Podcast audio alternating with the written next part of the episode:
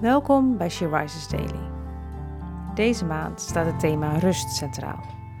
En de overdenking van vandaag is geschreven door Dianta.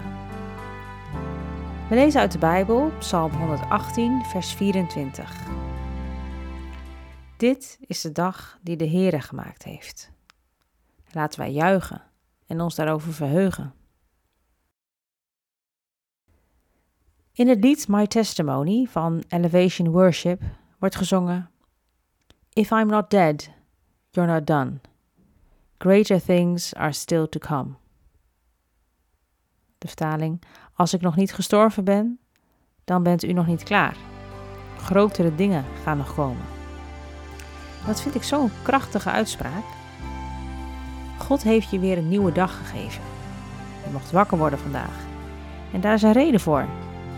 Hij is nog niet klaar met jou en heeft grote dingen in het verschiet. Ik wil je uitdagen om elke ochtend aan onze Hemelse Vader te vragen om je te leiden.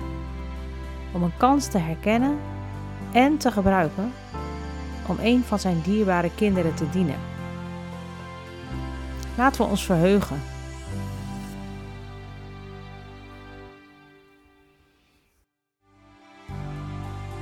Je luisterde naar een podcast van She.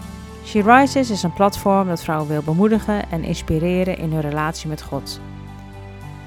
We zijn ervan overtuigd dat het Gods verlangen is dat alle vrouwen over de hele wereld Hem leren kennen. Kijk op www.she-rises.nl voor meer informatie.